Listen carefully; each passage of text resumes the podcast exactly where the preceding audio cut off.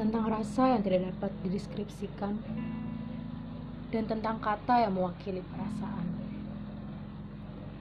So, here we go. We talk about words and feelings on Castle of Feelings.